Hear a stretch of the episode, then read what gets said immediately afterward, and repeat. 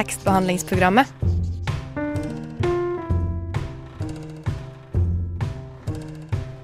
Tekstbehandling på radio.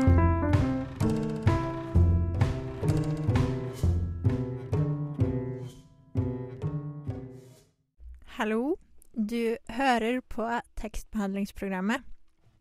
I dag er det jeg, Julia, som skal ta dere gjennom flere av våre favorittbiter og utdrag fra de ulike radiosendingene vi har laget høsten 2021 og våren 2022. Um, redaksjonen har fått velge ut sine favoritter, og vi har satt de sammen og latt det bli en helt ny sending. Så vi håper dere nyter denne lille nostalgitrippen sammen med oss i en Best of TBP-sending. På tide å skru på tekstbehandlingsprogrammet. Yndlingssykkelen de siste seks-sju månedene er en enhjulssykkel. Vi har Marie Eibert på besøk, jeg og Eline. Marie og Bær. Jeg tenker alltid at en T slutter med ø, h, h, h, h, utropstegn, utropstegn. Det er bare tekstbehandlingsprogrammet. Nei, det var ikke så mye å si. I høst snakket Anna-Elisabeth, Arthur og Katrine om tegneserier, og de kom inn på det spennende spørsmålet om hvorvidt tegneserier kan karakteriseres som litteratur. Hør på dette.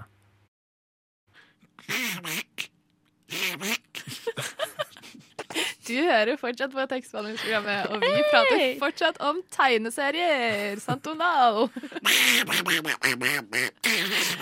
Men dere, det store spørsmålet er tegneserier litteratur? Det er jo tekst i dem. Men er teksten viktigst, eller er bildene viktigst? Hvor går grensa? Eh, vi er jo ikke fagpersoner, men vi kan jo prate om det. Egne meninger er, er godkjent. Med forbehold, Yes. selvfølgelig. Eh, ja, hvor begynner man det, da? En kan jo begynne med å si at ja, jeg syns tegneserie er litteratur. Syns det er en veldig viktig del av litteraturen. Eh, syns den ville blitt litt mangfoldig. Litteraturen ville blitt litt, litt uh, Oi, nå ble det krøll. Nå følte jeg fikk litt sånn Donald. Men uh, ja.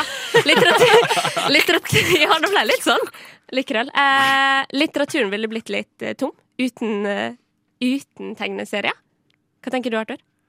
Nei, jeg har, jeg har egentlig aldri tenkt at tegneserier ikke er litteratur. På en måte. Det, er bare, det holder sin egen nisje innenfor eh, litteraturen. Og det, men det er jo en del av litteraturen som er vektlagt veldig på, på det På det billedlige, da. Men hva med, en- hva med en tegneserie uten tekst i det hele tatt? Det som da sier at det er, altså som, som gjør at det minner om en, en, bok og en tekst, er jo det at den er på sider og kanskje omringet av, av bokpermer. Mm. Er det litteratur? Det blir vel en sånn evig debatt, avhengig vel av hvem du spør. Eh, men historiefortellingen er jo fortsatt på en måte det samme fokuset. Og det er jo det som er viktig, på en måte. Det er det jo òg innad i litteraturen. Så sånn sett så vil jeg påstå at det kan argumenteres for det.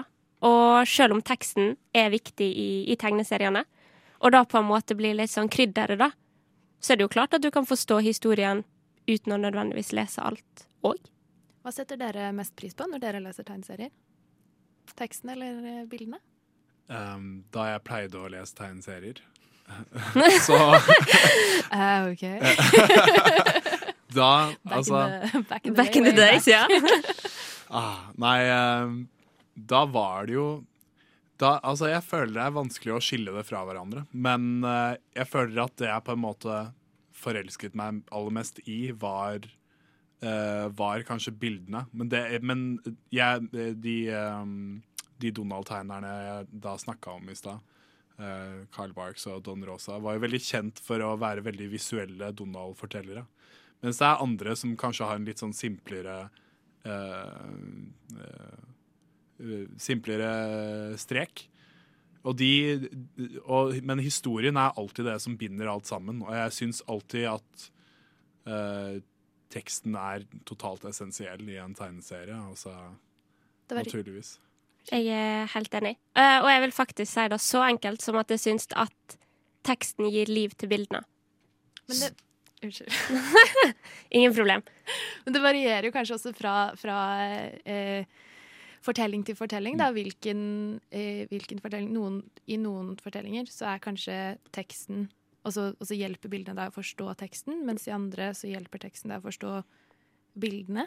Ja, absolutt. Jeg tror ja. vektleggelsen er forskjellig. Samtidig så tror jeg at tar du bort en av de, så blir historien mangfoldig. Jeg føler at en god, en god tegneserie uh, Altså, den, den viser det gode samspillet mellom, uh, mellom tekst og bilde, da. Rett og slett. Og um, Nei, det Jeg er helt enig med Anna, egentlig. Det, det, er å, det er vanskelig å skille det fra hverandre.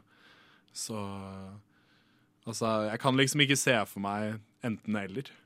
Det hadde vært veldig rart å bare lese en eh, Det hadde vært litt underlig å lese for eksempel Fantomet. Ba, bare Ja. tekst.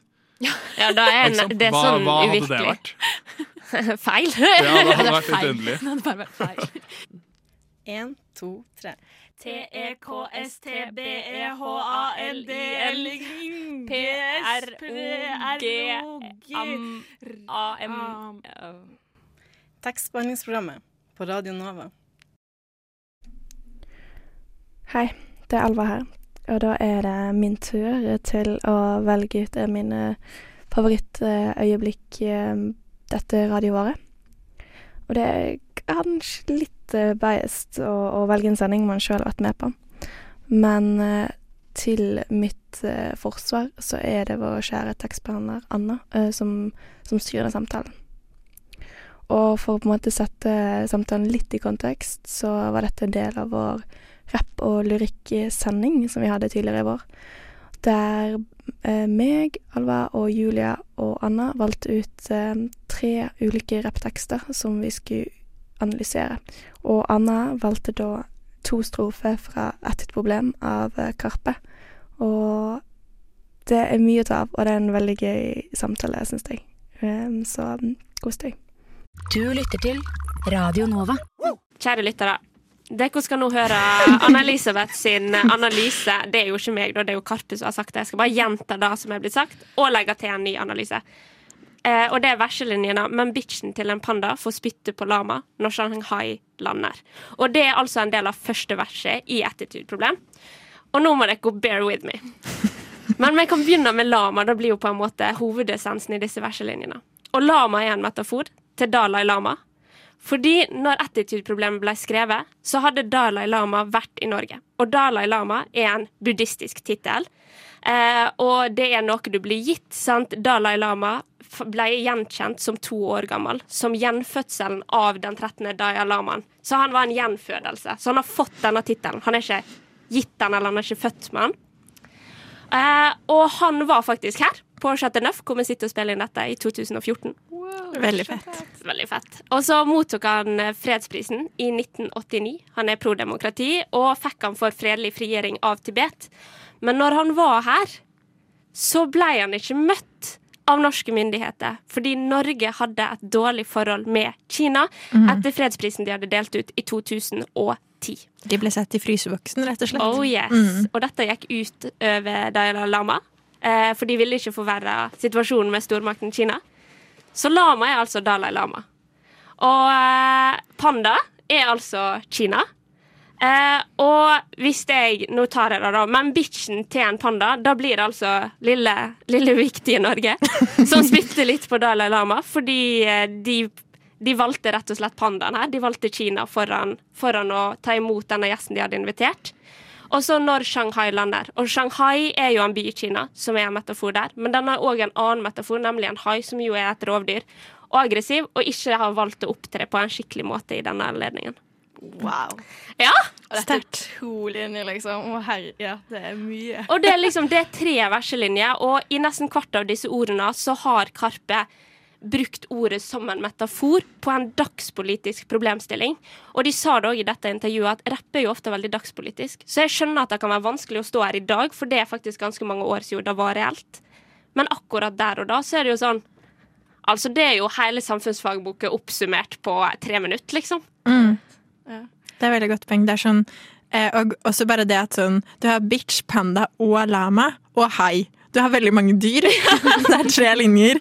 Det er veldig mye på en måte sånn Selv om man fanger Kina, som jo man kan gjøre pga. panda og Shanghai, så er det bare sånn Man kan også bli satt ut av kurs av at du er sånn Det er så mye elementer på så få linjer, eh, og det er vanskelig å liksom skjønne hvor fokuset skal ligge, da. Um, så det nice å få det forklart. Ja, det er kjempestilig. Og å spytte på i Norge er jo en tradisjon for å være ufin. Skulle du spytte på noen, så er det jo fordi du har mangel på respekt. Og så er det sånn, Dette her er jo en, en første linjen i en sang, så det går jo kjempefort. Altså, man hører det jo kanskje, kanskje det tar sånn, jeg vet ikke hvor mange sekunder, sånn fem-ti sekunder før den setningen, og så er det så mye inni der, og så skal man tolke så mye inni Ja, ja, ja. Det blir jo helt uh, Ja. Det er ganske ambisiøst, men det er jo veldig, veldig interessant. Det er jo det som er så gøy med rapp. Du kan liksom putte så ekstremt mye inn i én linje. Og det må jo være litteratur på sitt beste, hvis du kan putte så mye inn i én linje, og folk kan tolke det på så mange forskjellige måter. Ja. Ja, det er jeg helt enig med deg i. Når, eh, jeg har liksom alltid hatt stor respekt for rapp, men etter det intervjuet så, så er respekten en helt annen. Og det er jo nettopp, som du sier, det er jo et litterært kunstverk, og i det hele tatt få noe sånt til. Og, og, og det går så fort, og det er så mye du skal med, og at alt er så gjennomtenkt. Det er bare ikke hva passer inn her. Det er sånn OK, hva, hva ønsker vi å fortelle? Hva, hvordan skal vi reflektere verden, liksom? Hallo, mitt navn er Knut Nærum, og du hører på tekstbehandlingsprogrammet. Jeg går i hvert fall ut fra at du gjør det. Vi har hatt flere intervjuer i løpet av året, og et av dem hadde Katrine med førsteamanuensis ved Universitetet i Oslo, Tonje Wold, om eh, hvorfor man bruker litteratur til å forstå verden. Og her har du et lite utdrag av det. Et begrep som du eh, bruker mye i boken, er eh, eh, litteraturens kontaktsone, eller bare sånn kontaktsone. Vi har lyst til å eh, utdype for ja, dette begrepet for, for lytterne våre. Ja, altså det er et begrep som kommer fra en, en forsker som heter Mary Louise Pratt, eh, som har eh, studert reiselitteratur og reiseskildringer, egentlig eh, eldre eh, slike. Og hun snakker om kontaktsoner som soner der ulike kulturer møtes og, som hun sier, grapple with each other. Altså de må på en måte hanskes med hverandre. Eh, og det syns jeg var veldig produktivt å tenke på litteratur og kontaktsoner sammen, fordi at det nettopp er noe med at eh, sånn som hun beskriver kontaktsoner, så er ikke det at disse kulturene møtes noe som nødvendigvis er villet. Det er noe som kanskje skjer uansett hva man vil eller ikke vil. Eh, og det er ikke nødvendigvis eh, gode intensjoner heller. Altså det kan være alt mulig, men det foregår type kulturmøter. Så det er det ene er på en måte at de kulturene møtes om å grapple with each other, altså må liksom hanskes med hverandre. Men det andre som jeg syns var viktig med det, er at sånn som hun beskriver det, så foregår det en transkulturasjon. Altså at begge, eller alle tre, hele fire kulturene som møtes, påvirkes av hverandre. Og årsaken til at jeg syns det har vært et viktig begrep å bruke, eller måte å tenke på, er at man veldig ofte når man leser skildringer av uh, europeisk litteratur så, og global litteratur, så er det den europeiske litteraturen som bres ut i verden og påvirker alt annet. Men så er vi mer interessert i å se at denne påvirkningen foregår jo på veldig mange forskjellige måter. Og også av og til har jo kolonialistisk litteratur nærmest hatt som prosjekt å påvirke all annen litteratur. Men så, og dermed så blir det kanskje heller ikke tydelig at den også har vært påvirket, eller liksom ja, møtt motstand, eller blitt parodiert. Eller, altså at det liksom oppstår veldig mye ulike former for, eh, for påvirkning. Da. Og da flytter man på en måte noe av noe av vekten også vekk bare fra den, eh, det europeiske som blir så stort i våre egne øyne. Så da har jeg tenkt på både litteratur i Altså det å se på litteratur i Eller på steder som eh, kan karakteriseres som kultur Som sånne kontaktsoner, da. Altså som f.eks. i i eh, tidligere kolonier hvor man da har innslag av veldig mange veldig forskjellige kulturer på samme sted. Og hvordan er det litteraturen da behandler dette? Og så har jeg sett eh, på litteratur som en slags kontaktsone. Altså at det også er steder hvor disse tingene kommer til uttrykk. da.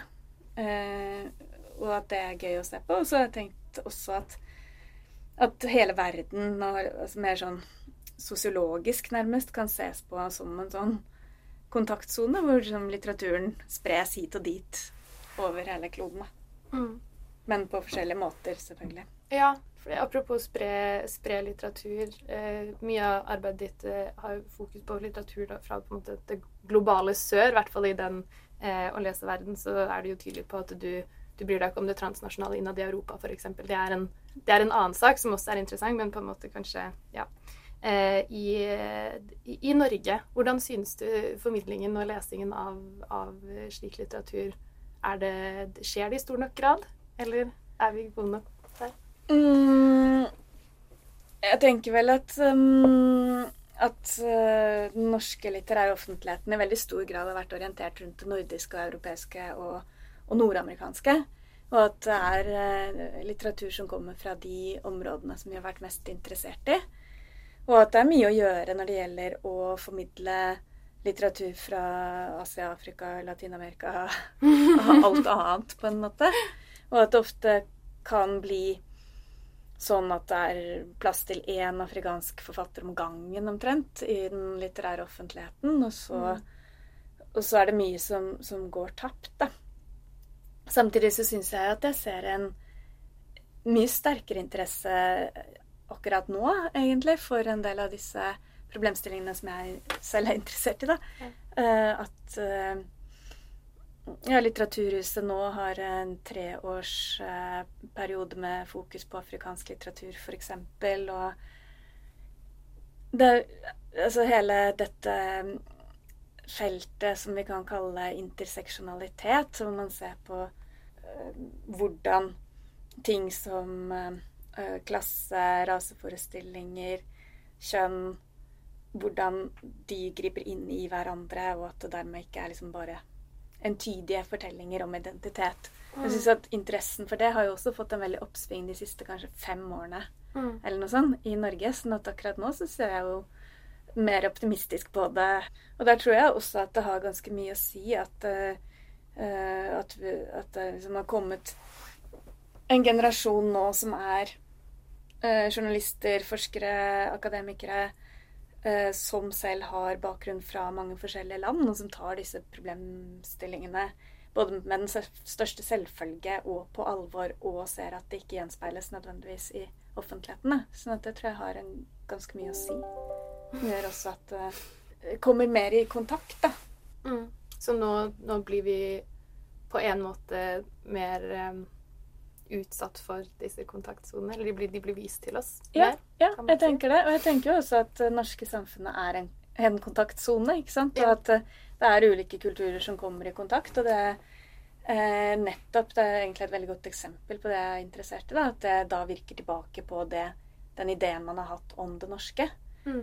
Og at man er nødt til å gjøre noe med den ideen. Du kan ikke bare gjøre noe i det og, og liksom lære mer om noen som man fremdeles vil kalle for de andre eller innvandrerne eller et eller annet sånt.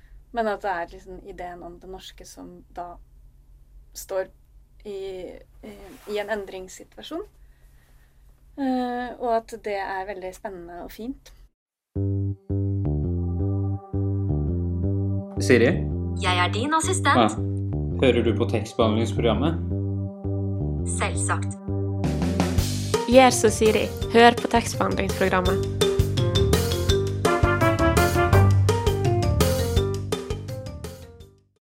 Vi har virkelig snakket om mye rart um, dette semesteret, og det har spesielt kommet fram i de ulike rørene vi har hatt, Um, som vi har hatt mange av, og dette er fra den tredje røren vi hadde, hvor Maria snakket om serien His Dark Materials.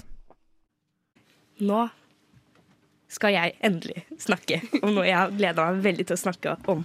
Ok, Så nå har det jo vært litt eh, jeg, sk jeg skal ikke si negativt, men altså Det har jo vært en litt seriøs tone nå her i studio når vi snakker om det dagsaktuelle. Så jeg har tenkt å bryte helt fra det. Endelig! Takk og lov. Ja, du kom innledningsvis her med den der negativiteten din, eh, Arthur, og nå vil jeg bryte fra den. Fordi dette er min første livesending, så nå min første røre, så nå er jeg klar for å snakke om min favorittbok. Min favorittboktrilogi. Yes. Og det er trommevirvel. His Dark Materials av Philip Pullman. Det har noen hørt om den, eller? Ja. Alle har hørt om den? Yes. Ok. Det er veldig bra, for den har en HBO-serie som eh, har gjort det ganske bra. Og så har den en film fra 2007 som ikke har gjort det bra. Den var dårlig. Nei da. Uh, jo da. Uh, denne bokserien er da skrevet av Philip Pullman. Uh, kom ut på 90-tallet en eller annen gang. Og det er jo da den typiske litt sånn young adult eh, fantasy. Litt sånn Man tenker kanskje med en gang Hunger Games Det er jo ikke fantasy helt, da. Mer eh, dystopi. Men eh, eh, Man tenker sånn å, Harry Potter og litt sånn, og så tenker man at, det er litt sånn annenrangs litteratur på en eller annen måte. At det blir sånn barnelitteratur. Og det syns ikke jeg noe om. Jeg syns at eh, Ja, men jeg syns det er så teit at liksom noen typer form for litteratur Altså, dårlig instapoesi er jo én ting, men at man skal se på noen bøker og være sånn Ja, men det er ikke like bra, for det er for eksempel tenkt for, for barn. Og det er sånn overnaturlig, og det er ikke ekte. Må det være ekte for at det er bra, liksom? Det blir, det blir jo litt sånn som når man bare Å ja, det er en romcom. Det- De suger jo uansett. Det er jo et veldig snevert eh, perspektiv å ha. Ja. Så For det som er greia med His Dark Materials, er jo at eh, det er i en annen dimensjon. Det er vår verden, men den er ganske Den har noen likheter som gjør at man kan kjenne det igjen, men så har den også noen ulikheter som gjør at man er litt sånn OK, det er litt rart. Det, det er på en måte satt litt fast i en slags sånn 50-60-tallsversjon av vår verden. Sånn at de har jo f.eks. ikke mobiltelefoner, eller noe så enkelt som bil, eh, bilbelte har de ikke. Men de har f.eks. veldig mange luftskip. Zeppelin er en veldig vanlig framkomstmiddel i, det, i denne verdenen. Og det som kanskje skiller seg aller mest ut, er at i His Dark Materials-verden så har de noe som de kaller for demons. Uh. Oi, så skummelt. Hva er det? Er det eh, de der skumle Hva heter de i Harry Potter igjen? Desperantene. Desperanter? Er det det? Nei, det er det ikke.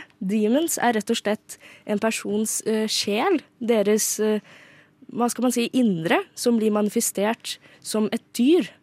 Men det er ikke et dyr, det er en demon, og det kan man se forskjell på. Da. Det er en slags sånn generell forståelse at nei, en demon er ikke et dyr, man kan se forskjell. Og disse blir da på en måte satt eh, Hva skal man si eh, Blir endelig satt fast som et spesielt dyr når man er ferdig med puberteten. Eh, og jeg syns det er ufattelig gøy, for jeg syns det er sånn hvis sjelen min skulle vært et dyr, hva slags dyr hadde det vært? Det er sånn kjempeinteressant. Og så er det panserbjørner. Altså bjør, isbjørner som snakker. Mm. Oh, det. det. Det er kjempegøy. Ja, ja, jeg så, tenker på Noas, Noas øy. Fy faen. Ja, ja, fader. ja, det er en lang, gammel throwback til barne-TV fra da Noahs jeg var øy? ung. Ja. Ja. Noas øy. her er det litt generasjons Ja, eh, ja. hinder. ja, så gammel er ikke jeg, ass. Men det er greit. Men uh, ja. Nei, men det er en isbjørn som bor eh, på en øy i Stillehavet. Det gir ikke mening. Så Nei. det, nei. Ja, er interessant. Eh, Nei, panserbjørnene de er veldig gode på å smi Go for it. De er veldig gode på å smi rustninger. Så de går rundt med rustninger og lever da in the north. Og eh, veldig nært en by som heter Trollesund. Og det syns jeg er veldig gøy at den heter Trollesund. For, for en engelsk leser så er det litt sånn ah, funny name. Mens for oss er det litt sånn OK, Trollesund. Det Ja, ja. høres nesten ut som en sånn 4chan-board eller noe. Jeg liker ikke den sammenligningen. Det syns jeg ikke er greit. Men ja, jeg syns egentlig at vi burde ha litt mer rom for litt mer sånn eh, Det er egentlig litt feil å si letthjerta, men at det ikke bare skal være sånn dønn alvorlig hele tiden. Og det får jeg på en måte med Materials, og de tar jo for seg viktigere tematikker og sånt nå. Som eksempel religion og statsmakt og alt det der. Men så liksom Det å på en måte kunne forsvinne hen til en annen verden, syns jeg er veldig viktig og veldig fint. Når verden er kjip og vanskelig og tøff. Så ja, det var egentlig det, Jeg ville at vi skulle ende på en god note. Ja, men jeg er helt enig. En positiv vibe, rett og slett. Men, men hva er det du liksom Hva er det du syns er det aller beste med det? liksom? Hva er det, hva er det som gjør det Som Du har snakka kult om sånn forskjellige elementer ved det, på en måte, men hva er det som gjør det til eh, gode bøker? På en måte. Um, det er en av de beste leseopplevelsene hvor jeg virkelig har vært i boka. Jeg leste den samme, hele bokserien over 1000 sider sammenhengende, og jeg har aldri vært så i en historie før, sånn som den. Men det kan være min personlige leseropplevelse. Men jeg vil påstå at der er språket veldig, veldig sterkt. Jeg er veldig enig i det vi snakker om, for jeg føler sånn, også i sånn, i norsk eh, samtidslitteratur så er det veldig lite plass til sånn fantasy og magi og alt det der. Og eh, det trengs.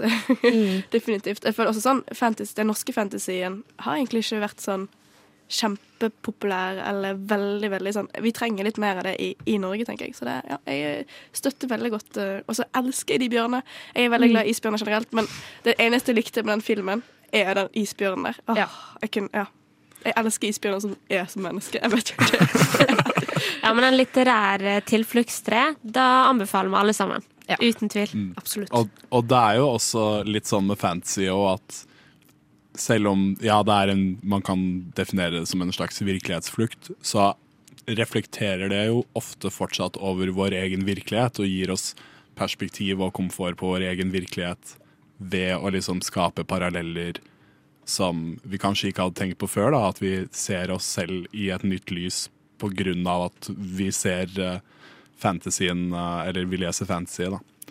Så, så mm. Tror jeg også sånn eh, Jeg vet ikke om du har lest bøkene på nytt nylig, eller har du Nei, det? eh, jeg har bestemt meg for å ta opp en tradisjon. Ja. For i fjor, det var, for, i- det var første gang jeg leste dem, i fjor, i påska. Så dette, dette skal jeg manifestere som en tradisjon, at jeg skal lese den kanskje hver påske. Vi får se. Men det er veldig interessant om du leser den annerledes i forhold til konteksten som om du får, Når du forandrer deg, leser du boken annerledes?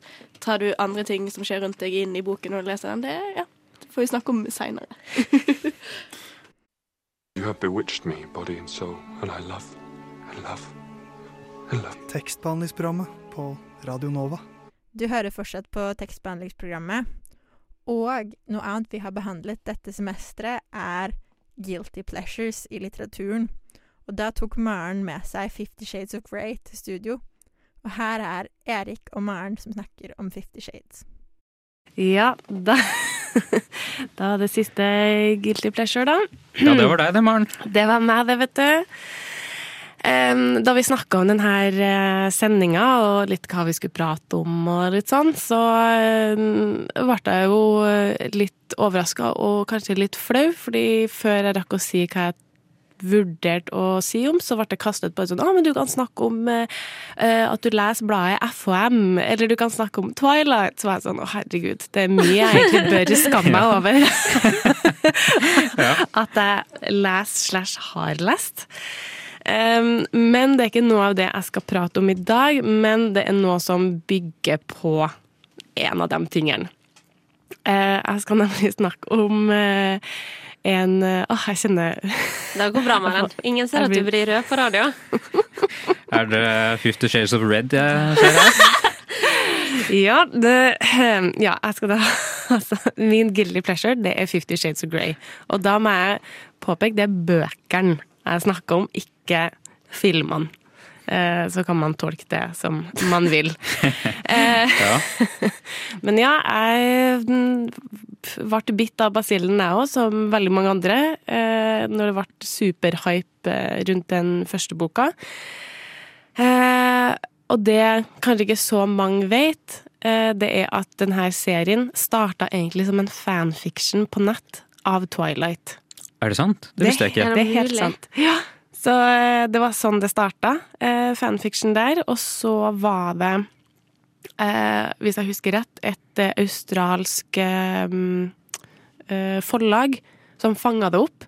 Eh, og hun E.L. James, da, som er forfatteren. Og så eh, ordna det fancy. Ordna en sånn fin Ja, alle har jo sett sikkert eh, bokcoveret til Absolutt. bøkene. Veldig selgbar. Ser eksklusivt og fint ut. Eh, og så endte opp med å selge mer enn Harry Potter, i hvert fall Det er sjukt. De årene. Når var den kommet ut igjen? Husker jeg ikke. Noe, Åh, sånn... nå, nå, Ja, nå setter- jeg tenkte bare sånn Søren, det har jeg ikke Ja, skrevet nei, jeg bare opp. følte at det var litt sånn uh... Jeg tenkte kanskje at det må ha vært før eh, jeg var der. Det er meg òg, ja. Uh, men uh, det Jeg bare mener å huske at alle snakket om i sånn 2014-2015, men det kan være at kanskje det var for tidlig eller for Ja, når men, kom eh, filmene, da? Det kommer jo etterpå. Også et veldig godt spør spørsmål. Eh, skal vi se. Det skjer Den første kom i 2015. Oi, da var jeg ganske der, da. Ja, der er du Ja, god. nice. Ja. Herlighet. Og når jeg, nå tok jeg bare et sånn raskt Google-søk på eh, 50, eh, 50 Shades of Grey rekkefølge, og da kjenner jeg bare fullt av annonser opp med uh, det her noe slags uh, håndjern. Ja. Eh, går rett på sak. ja, og så tror jeg bare lar det være det andre som eh, òg kommer opp her. Eh, Men hva er det du syns er så Hva liker du så godt med disse bøkene? altså, jeg Maren?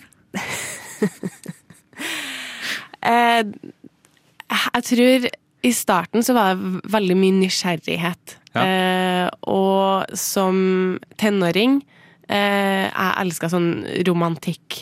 Eh, det var mye av det når jeg starta å lese bøker. Så var det liksom romantiske ting som bare fanga meg. Så eh, de fleste Nicholas Sparks-bøkene har jeg lest. Ja, det, ja. Ja, ja, ja. Eh, og da var det jo snakk om Det er litt forkjølelse her, men det, det er lov.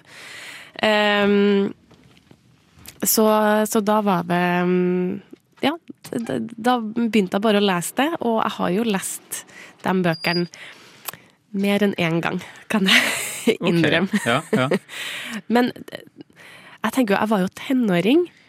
ja, som tenåring så er man jo kanskje mer sånn, mye mer nysgjerrig, da. Da har man lyst til å ja, Men det er sånn. Jeg lurer jo litt på hvor går grensa Fordi det er jo litt sånn Hva går de her bøkene som? Eh, det har jo vært ja, Noen mener erotisk fiksjon, noen kaller det husmorporno.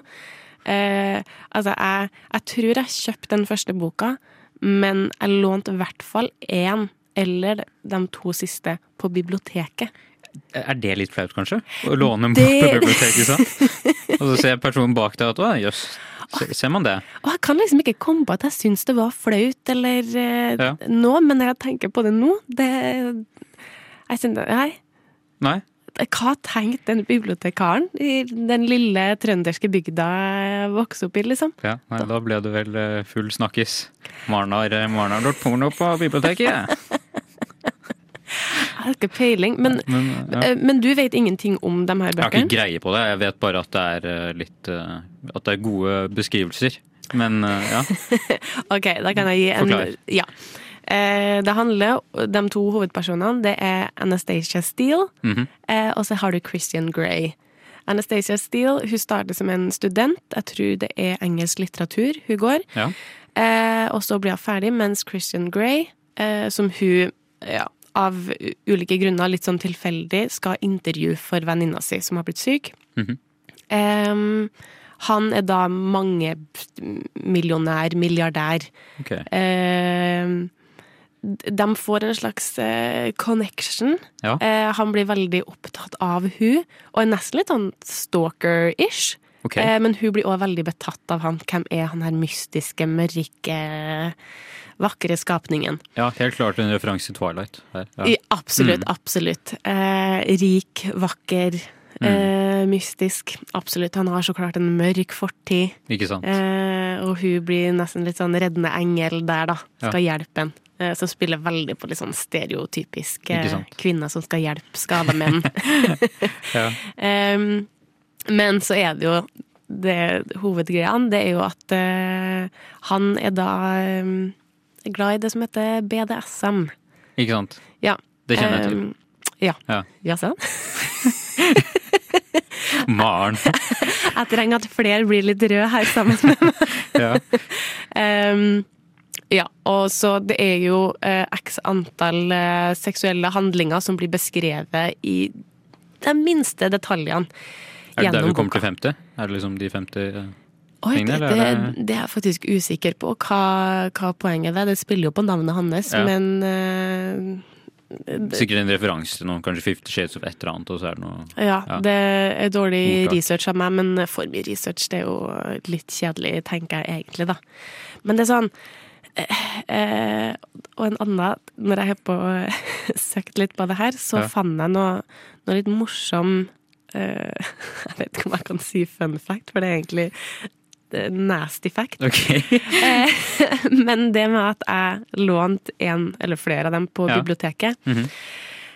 Det skal ha blitt gjort tester på ulike bøker i et bibliotek. Jeg tror det er i England. Ja. Eh, der de sjekka ulike, ja, ulike mm, bøker og hva mm, Og noen bøker fant de sånn tydelig her er masse spor av kokain, for Å, ja, såpass, eksempel. ja. Ja. Å, jeg tror jeg vet hvor vi skal. Å nei. Å nei. Nei da, men, men jeg tror okay, ikke det er ja. som du tror. Nei. Men uh, uh, sporene som ble funnet i Fifty Shades of Greybackeren, ja. det var da uh, veldig mange tilfeller av herpes. Å ja, ok, det var ikke der, men Nei. likevel ekkelt. Æsj. Ok. Og hva Ja, da Hva som er Jeg vet ikke, grunnen til, grunnen til det, det kan man jo bare lure på, men Ja. eh, Men eh, jeg er i hvert fall veldig glad i de bøkene, og ja. Ja. De, eh, de senere gangene når jeg har lest dem, ja, fordi det er mer enn én gang jeg har lest dem mm -hmm. igjen, så bare hopper jeg over det seksuelle, for det er ikke det som Det er ikke det som fenger? Nei. Nei. Ferdig med det. Um, Men det er lov å si. Ja. Takk. Jeg må bare Ja. få det ut at det er ikke derfor jeg leser dem, Ja. hvis jeg leser dem igjen nå. Ok.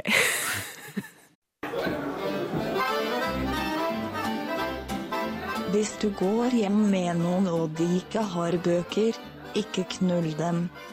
Hilsen tekstbehandlingsprogrammet.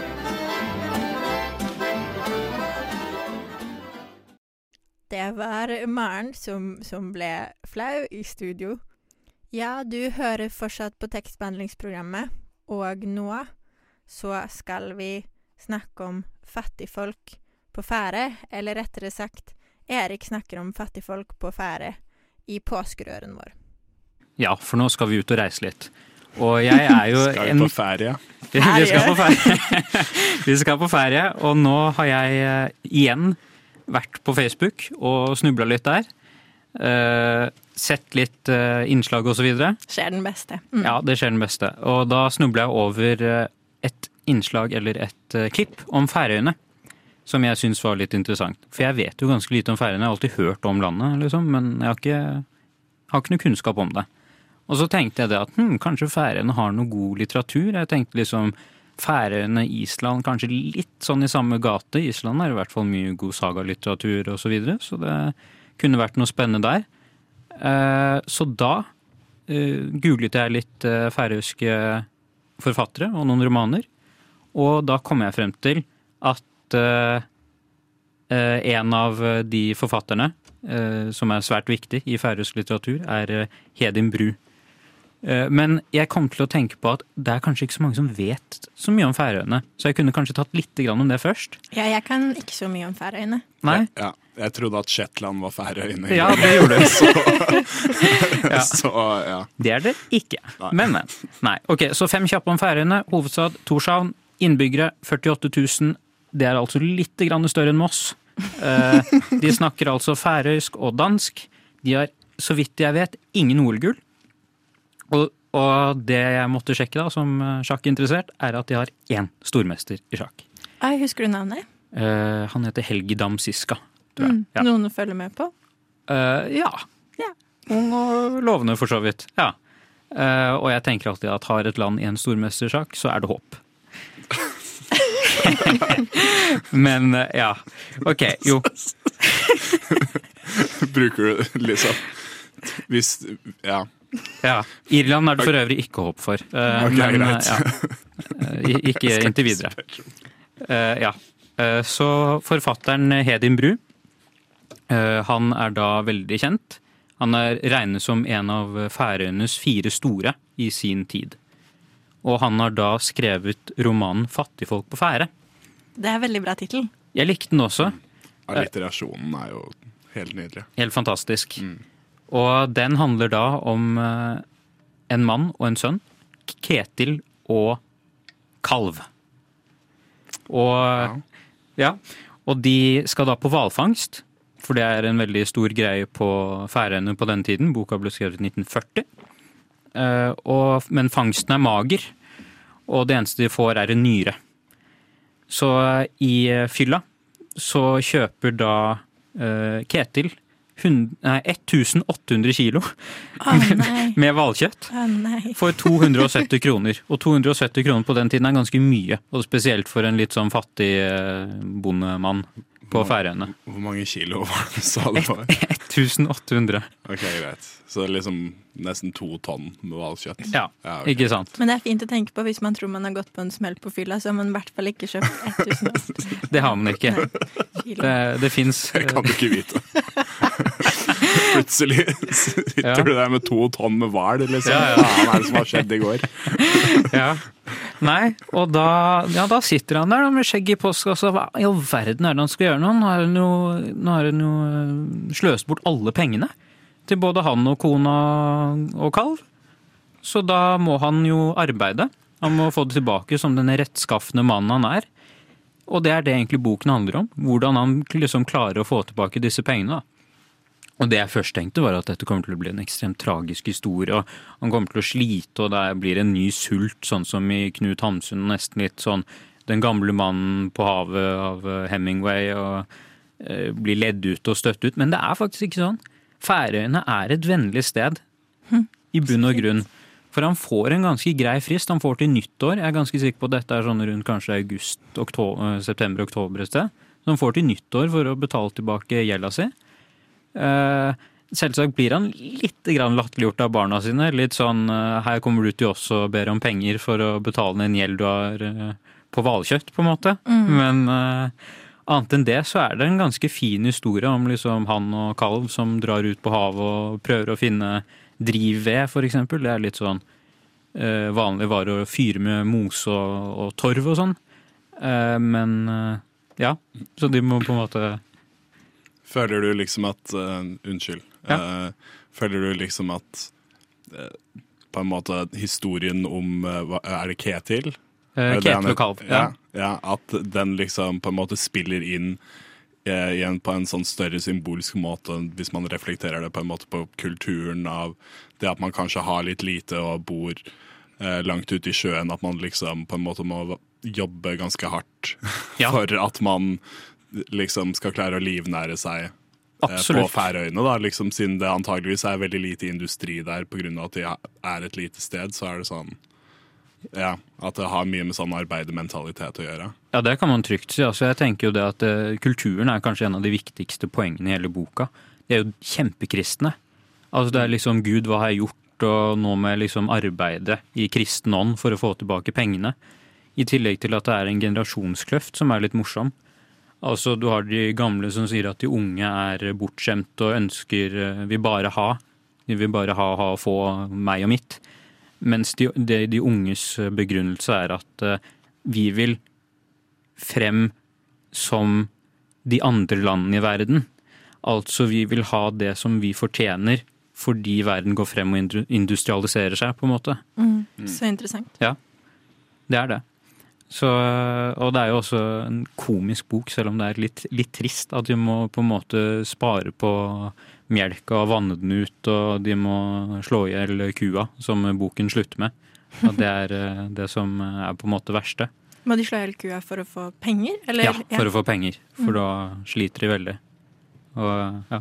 Mm, Men det er jo liksom den eh, Det er jo virkeligheten, da. Det er jo på en måte viktig å, å anerkjenne det. Eller liksom at hvis, hvis man er ja, Hvis man har en kultur der det er en del fattigdom, på en måte, så er det jo viktig å på en måte bearbeide det gjennom kulturelle Ja. verk. Det er vel det. si. Altså Færøyene var vel ikke nødvendigvis så veldig fattig land, men det var vel det at det eksisterte fattige folk der. Altså Mm. Det var jo i grunnen et veldig godt samfunn, fredelig og fint. Eh, Men eh, ja, du har jo de som da sliter. Og jeg syns jo det er en veldig fin historie, det er det jo. Mm. Ikke sant? Kona er jo veldig støttende, ikke sant. Hun sier på et tidspunkt at jeg eh, eh, syns mer synd på deg enn jeg skammer meg over deg. Mm. Eh, som jeg syns er veldig fint, da. Det, er- Mm. det er veldig sånn kona og han har veldig sånn couple goals, vil jeg si. De holder rundt hverandre og gråter om kvelden og kan glede seg sammen når de tjener penger. Så de skylder liksom ikke på han, de, de står eh, sammen i, De står sammen. i valgkrisen. Ja. Mm. Det syns jeg er viktig å ta med seg i disse påsketider. Hva føler du hver av karakterene på en måte eh, representerer? Eller sånn Ketil, er han en slags sånn Hva skal man si? En slags sånn eh, Han er den unge, rett og Ja. slett. Han er litt ung, litt dum, kanskje litt grann bortskjemt. Eh, men han følger jo etter faren og vil jo gjøre så godt han kan. Og de gamle er, de gamle er eldst, kan man helt klart si. Kristne, fromme, mm. eh, sta. Så det generasjonsskillet, det dreier det seg Ja. mye om, liksom? Jeg vil si at generasjonsskillet kanskje er en av de viktigste temaene. Mm. Men, ja. Men er de liksom spesielle Er, det, er de sånn fundamentalistisk kristne, på en måte? Eller er de sånn bare sånn ja. Kanskje jeg spør kanskje Nei, vanskelig nå. Det, er- det er nok ikke. Det er det absolutt ikke. Men det er jo enkelte ting som eksempel da Kalv har eh, sex for ekteskap. Så det er faktisk et morsomt stikk mot Danmark. Så er det litt sånn, ja, man kunne, man kunne hørt om dette her eh, som har skjedd i Danmark og København, eller kanskje i Torshavn, men dette kunne aldri skjedd i vårt lille samfunn. At noen har sex for ekteskapet. Så det er jo OK. Ja, ok. Tekstbehandlingsprogrammet. Når du vil lese med øra.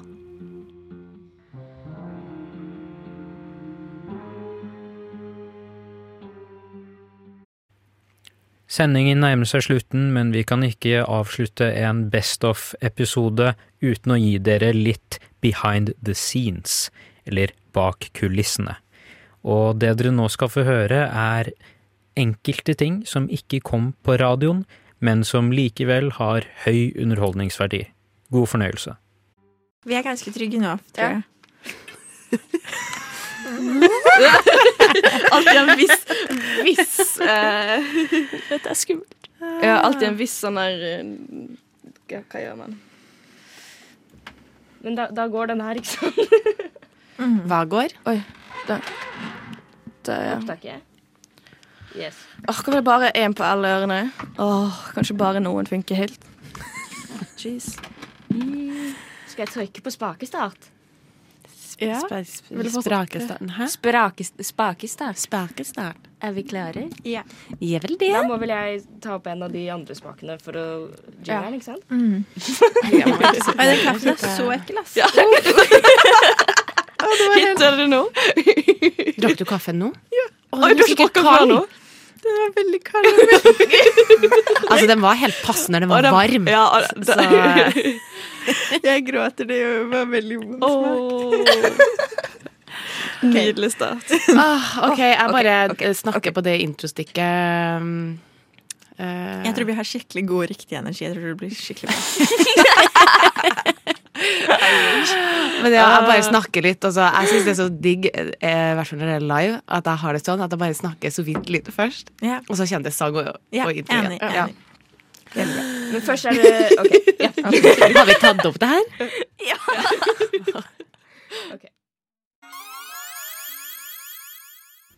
OK. Denne, denne Katrine, kan du. Før quiz i går. Hvem har skrevet fortellingen 'Snekker Andersen og julenissen'? Det er Hans Christian Andersen. Heter han Hans? Ja, han heter Hans, men er det han? Er det ikke det? Eh, jeg Da, da vi må vi klippe det bort, for det syns jeg er skikkelig kleint. Nei, jeg syns det er veldig forståelig. Um, men hvem er det, da? Snekker Andersen? Denne kan du, Julia! Uh. Å ja, Snekker Andersen! Ja, ja. Um, Katrine, du har skrevet det til meg på melding. Alfred! Ja. ja. Kan vi ta det på nytt? Ja, men vi kan ta det. Herregud! Jeg Hva trodde du du sa? Jeg vet ikke. Jeg bare Ja, men vi kan ta det på nytt. Unnskyld. Skal jeg si at du kan det, eller skal jeg la være? Jeg vet ikke. Dette kunne du.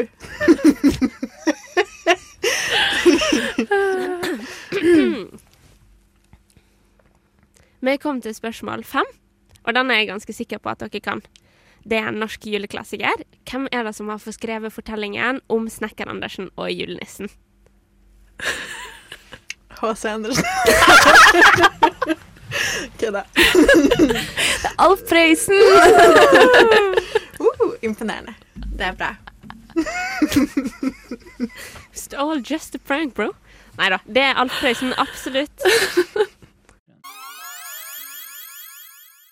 Ok, da tror jeg den tar opp, og da later vi som at jinglen går, og så leser jeg bare introduksjonen min. Nå har jeg, driver jeg og kaffe. Ja, ja. Ja. Var det, ka ja, det er kaffe? Jeg trodde, er ikke det sånn vannflaske? Eller det Ja, men det er termoflaske, så jeg kan putte hva faen jeg vil oppi den. Ah, ja. Et eller annet. Ok. Men eh, Arthur, har du noen gang tenkt på at Dostojevskij også har eh, utopiske sider ved seg? Ved, sin, eh, ved sitt forfatterskap? Uh, ikke før jeg hørte intervjuet ditt med Audun Mørk. Og det er det vi skal høre. Faen, jeg hadde, jeg hadde en bra Jeg hadde, jeg hadde liksom litt lyst til å legge opp til noe. Sorry, det var, en dum, det var kanskje en dum uh, Det var kanskje en dum ting å si. Eh, Nei, egentlig ikke. Jeg, syns ikke det var så dumt. Men jeg må tenke, vi må finne, finne en litt morsom måte å, å gå over til intervjuet på. Fordi Ja. jeg må tenke Jo, OK, greit, jeg kom på noe. Uh, OK.